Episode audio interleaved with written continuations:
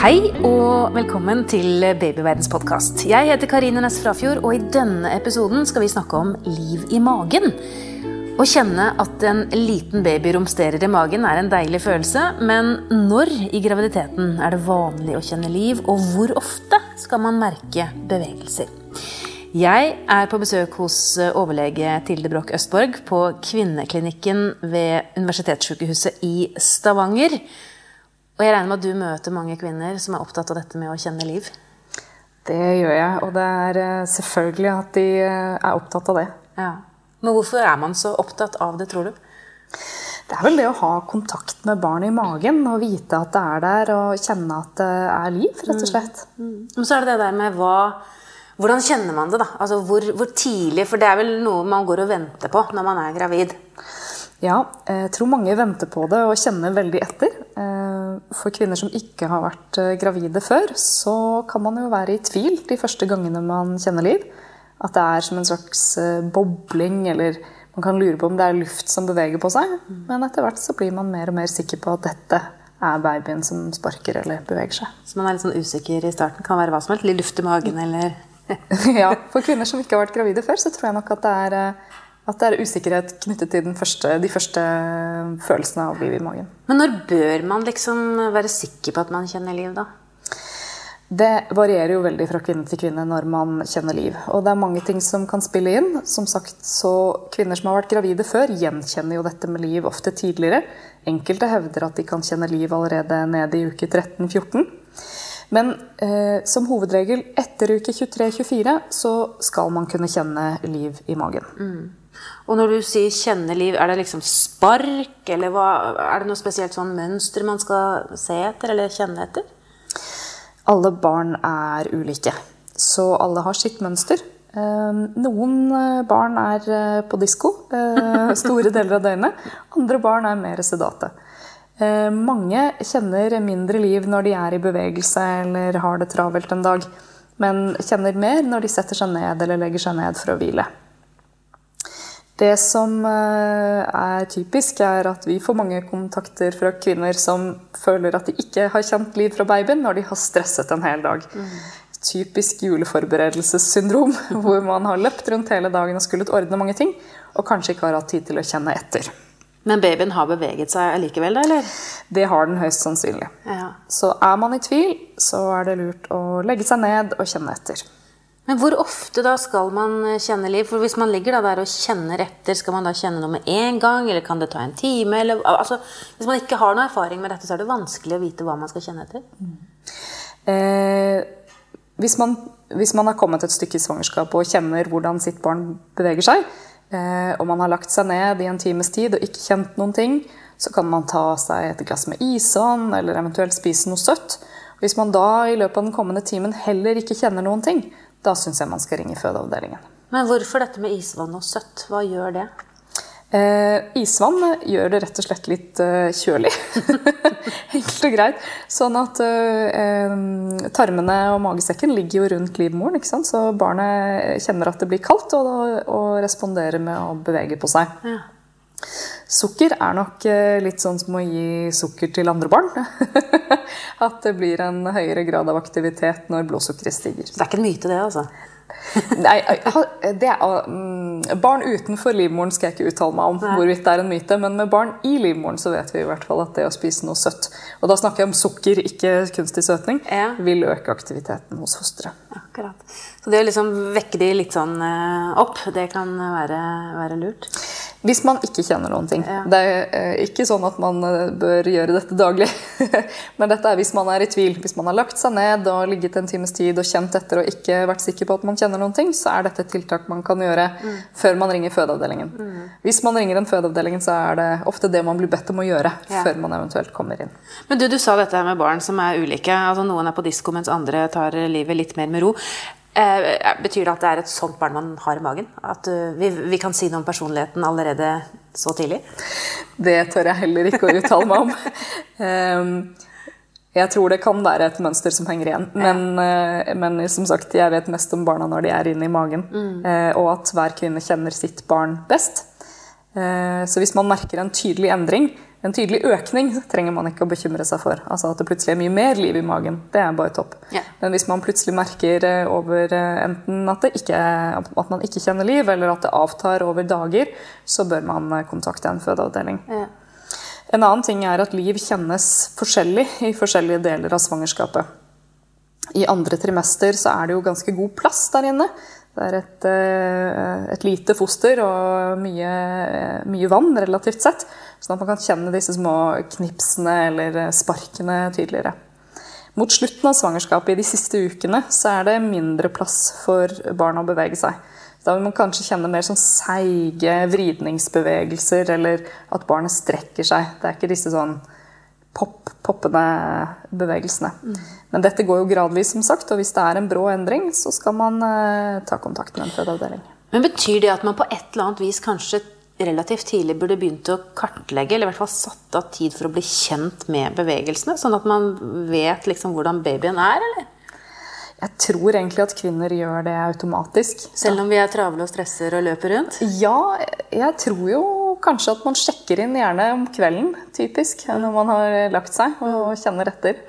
Og noen kjenner jo liv hele veien, men i hvert fall når man på en måte har gått til ro, så er det veldig mange som merker at barna våkner til. Så er det dette med morkaken og plasseringen, for det har vel også litt å si? Det er helt riktig. Ja. Hvor, hvor er denne morkaka egentlig? Altså, eller hvor er den på en måte ideelt sett? Eh, Så lenge den ikke ligger eh, i veien for utgangen, så kan den egentlig ligge hvor den vil. Ja. Eh, Den kan ligge på fremre vegg eller bakre vegg av livmoren, eller den kan ligge i toppen av livmoren. Eh, Det som påvirker om man kjenner mer eller mindre liv, er om den ligger foran. De som har en morkake som ligger på fremre vegg av livmoren, eh, har på en måte en slags støtdemping der, og vil dermed kjenne liv noe senere i svangerskapet, og kanskje er mindre skarpt i bevegelse enn de som har den andre steder. Ja. Det, men det er kanskje noe jordmor også kan si noe om, sånn at man er forberedt på det hvis man ikke kjenner så mye liv, eller hvis det tar litt tid før man kjenner liv første gang. Eh, Man undersøker alltid plasseringen av livmoren, eh, unnskyld, plasseringen av morkaken i, eh, ved rutineultralyden i uke 18. Sånn at da vil man få vite hvor morkaken ligger. Og den blir liggende der, den flytter seg ikke, eller? Ja, i hovedsak så blir den liggende der den er. Men ettersom livmoren vokser, så vil morkaken trekke seg eh, oppover også. Eh, dermed, hvis man har en, en morkake som ligger eh, eh, som ligger eh, veldig lavt nede, f.eks., eller dekker deler av utgangen i eh, midten av svangerskapet, så vil den kunne trekke seg helt vekk. Men er det tilfeldig om man får en morkake som fester seg foran eller over eller bak, eller? Eh, Det har nok noe med implantasjon å gjøre, altså hvor, hvor Hvilken del av livmoren embryo implanterer i. Dermed, så der det implanterer, så vil det jo vokse mot. Og i de fleste tilfeller så er det i selve, selve livmoren, det er der det skal være. Og så lenge det ikke dekker utgangen, så er det normalt. Du, vi skal snakke litt mer om eh, dette med barnets bevegelser, og kanskje spesielt mot, eh, mot slutten av svangerskapet, men vi tar en bitte liten pause først. Vi snakker om dette med bevegelse i magen, hvor mye du skal kjenne og når. Og jeg eh, er på besøk hos overlege Tilde Broch Østborg ved Universitetssykehuset Stavanger. Hun, hun jobber på kvinneklinikken der. Eh, Og vi har jo snakket om at man skal kjenne liv etter uke 23-24, og at det er kanskje lurt å finne et slags mønster på det hele. Og så er det jo liksom litt sånn forhold som man ikke helt rår over selv, da, som har noe med med bevegelsene, hvor mye man kjenner øret. F.eks. dette med morkaka, som er som en slags buffer. Men så tenker jeg litt på hva med egenpolstring? Altså dette med f.eks. overvekt. Det er noen som er veldig tynne og små kvinner, og så er det noen som er eh, litt større kvinner. Vi er jo forskjellige alle sammen. Er det noen forskjell der? Har det noe å si? Det er et godt spørsmål. Eh, Det er jeg usikker på om det fins forskning på. Jeg tror nok ikke det påvirker kvinnens egenfølelse av liv i spesielt stor grad, men det vil jo være vanskelig for andre å kjenne liv på magen. Men eh, der kan jeg ikke gi deg noe sånn helt eh, forskningsbasert svar, altså. Nei, ok. Men, det, men, men man bør, uansett hvor stor man er, så bør man kunne kjenne godt liv. Absolutt. Ja. Men det er litt interessant det du sa da, om at andre skal eh, kunne kjenne liv også. Vi har jo sett sånne videobilder av føtter som nærmest stikker ut av magen. Er det juks, eller kan det bli sånn? Det kan bli sånn. Kan det? Eh, og kan være utrolig rart å observere, eller underlig på en eller annen måte. Fordi eh, Jeg vet ikke om jeg skal dra denne parallellen, men litt sånn Ja, ja. alien-stemning. Når du liksom ser at hele magen endrer form, eller at du har en albue eller en hånd eller en fot som stikker eh, liksom rett ut i været.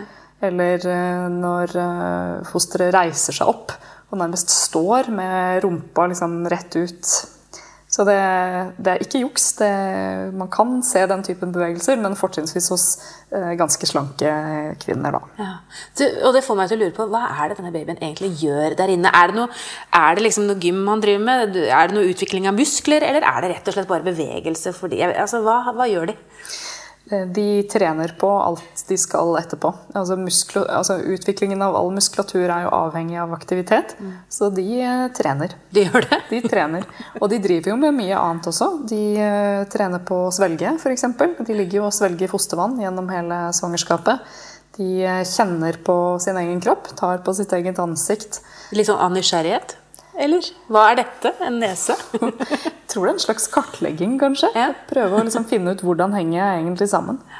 Og så sa du det med å drikke fostervann. Eh, Vi har jo hørt om noen som hører at barnet hikker. Stemmer det også? At man kan få sånne små hopp? Absolutt. Eh, ganske sånn typisk eh, og veldig lett gjenkjennelig bevegelse for mor. Den hikken. Veldig vanlig. Mm. de hikker, jeg kan av og til få inntrykk av at de hikker mye mer i magen enn når de er født. Eh, men jeg har ikke noe godt belegg for å si det. altså. Men hvordan er det de ligger, da? Altså, for vi vet jo at barnet ideelt sett i hvert fall skal fødes med hodet først. Men er det sånn at de turner rundt øh, der inne og egentlig ikke har noe sånn spesielt leie? Eller hvordan er det? Det er sånn at eh, Vi regner ikke leie som etablert før uke 37. Eh, og det er veldig vanlig at eh, barna endrer posisjon mange ganger i løpet av svangerskapet. Sånn at hvordan de ligger f.eks. ved rutineultralyden eller i uke 30-32, har ingen betydning for hvordan de ligger til slutt. Men de kan ha snudd seg rundt i løpet av døgn, eller altså de, de turner rundt der inne. De sånn. turner rundt der inne. Ja, så det er ingen betydning hvordan de, hvordan de ligger, om de har rumpa ned eller hodet ned, øh, så lenge de forhåpentligvis har funnet sitt leie før fødsel. Ja, det er sånn at 4% av alle barn ligger i setleie til termin, men eh, så ca. ett av 20 barn ligger i setleie. Eh, Så det er en variant av normal. Men eh, de fleste, 96 legger seg med hodet ned. Men du, sånn helt på slutten, for det er jo da på en måte barna er ferdig utvokst, og det er viktig at vi i hvert fall kjenner disse bevegelsene, som sikkert har endret seg ganske mye fra de turene rundt, for nå er det ikke plass lenger. Hva er det, Du sa det jo litt med at de har litt sånn glidende bevegelser, at de mm, kanskje ikke hopper og spretter lenger, men hva er det viktig på en måte å, å kjenne, og hvor ofte mot fødsel, siste ukene? Det er egentlig det samme som resten av svangerskapet. Du skal kjenne daglig liv gjennom hele svangerskapet, eh, men karakteren av det vil være annerledes. I hele svangerskapet, dersom du har lagt deg ned og kjent etter, eh, gjort disse tingene vi har snakket om, eh, kaldt vann og søtt, ikke har kjent noe i løpet av to timer, så skal du kontakte en fødeavdeling. Det er to timer, Mm. og vi skal kjenne noe hver eneste dag. Vi skal kjenne noe hver eneste dag. Ja. Og så skal det ikke avta. Men hvordan vet vi det, da? Eh, Kjenner man det? Er det noe man liksom bare vet?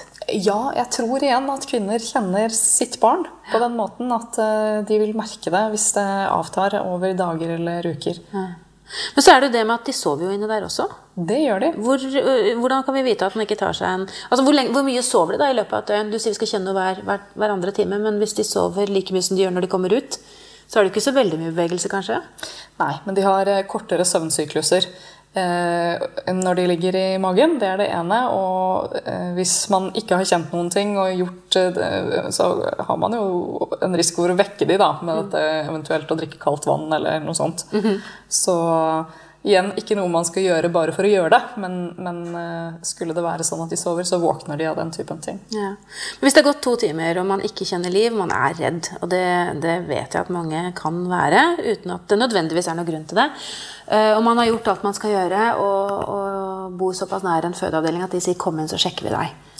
Jeg tenker at Det skal ikke bero på hvor man bor hen. Nei. Jeg tenker at Man skal inn for en sjekk. og Dette er eh, henvendelser som vi får mange mange, mange av. De aller fleste er, er alt heldigvis helt normalt, men det er alltid henvendelser vi tar på alvor. Og vi ser heller på en kvinne ti ganger for mye enn en gang for lite. Så man trenger ikke være redd eller føle seg hysterisk eller at man overreagerer i det hele tatt? På ingen måte. Dette er, eh, hvis dette er eh, en situasjon man kjenner seg igjen i, så skal man ta kontakt, og man blir tatt på alvor. Men hva gjør dere da når man kommer inn og, og, og er bekymra? Mm. Da eh, er det nok forskjell fra sykehus til sykehus hvordan det håndteres. Men det vanlige er at jordmor først eh, ser gjennom svangerskapsjournalen etter om det er noen spesielle risikofaktorer ved svangerskapet. Og så vil hun kjenne på magen, og så ta en fosterlydsregistrering. Eh, hvis man da ikke Da får man jo en sånn knapp utdelt som man registrerer spark med. Man trykker selv? Man trykker selv, mm. hvis man kjenner noen ting.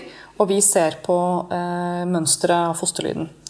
Eh, hvis, ofte da, så Det er jo typisk det. Sant? At når man først har kommet seg inn, så våkner de til. Mm. Eh, og da er det i utgangspunktet greit hvis det ikke er noe annet eh, som gjør at man skal gjøre nærmere undersøkelser.